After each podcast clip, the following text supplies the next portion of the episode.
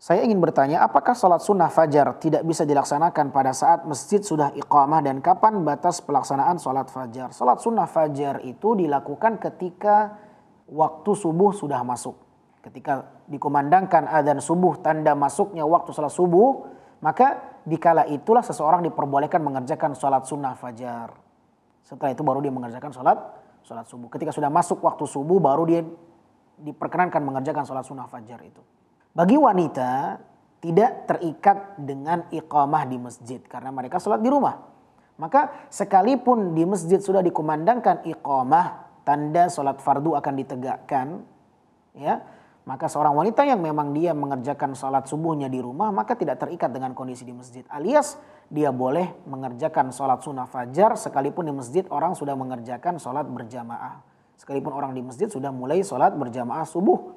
Karena tidak terikat sholatnya wanita dengan yang di rumah dengan sholat kaum muslimin di di masjid karena mereka sedang tidak mengerjakan sholat secara berjamaah. Berbeda kalau memang seorang wanita itu mengerjakan sholat subuhnya di masjid, maka mau tidak mau dia harus mengerjakan sholat subuh di masjid. Setelah itu baru dia ingin mengkodok sholat sunnah fajar maka diperbolehkan.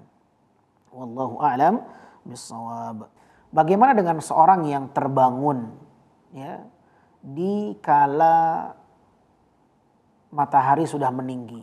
Contoh misalnya jam 8, jam 9 misalnya. Ya, ternyata dia tidak bangun subuh. Apakah masih boleh dia mengerjakan sholat sunnah fajar? Jawabannya boleh.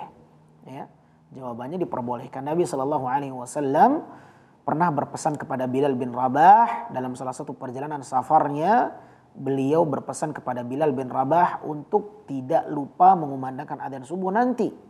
Nabi khawatir karena memang perjalanannya sangat melelahkan. Dikhawatirkan Bilal tidak bangun mengumandangkan adzan subuh dan ternyata benar prediksi Nabi Shallallahu Alaihi Wasallam Bilal tidak terbangun mengumandangkan adzan subuh ketika melakukan satu perjalanan bersama Nabi Shallallahu Alaihi Wasallam.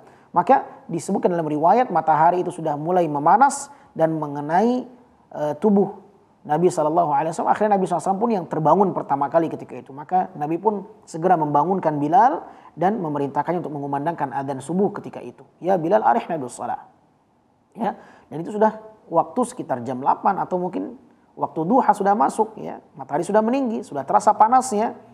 Ya Nabi SAW ketika itu bersegera mengerjakan sholat sunnah fajar.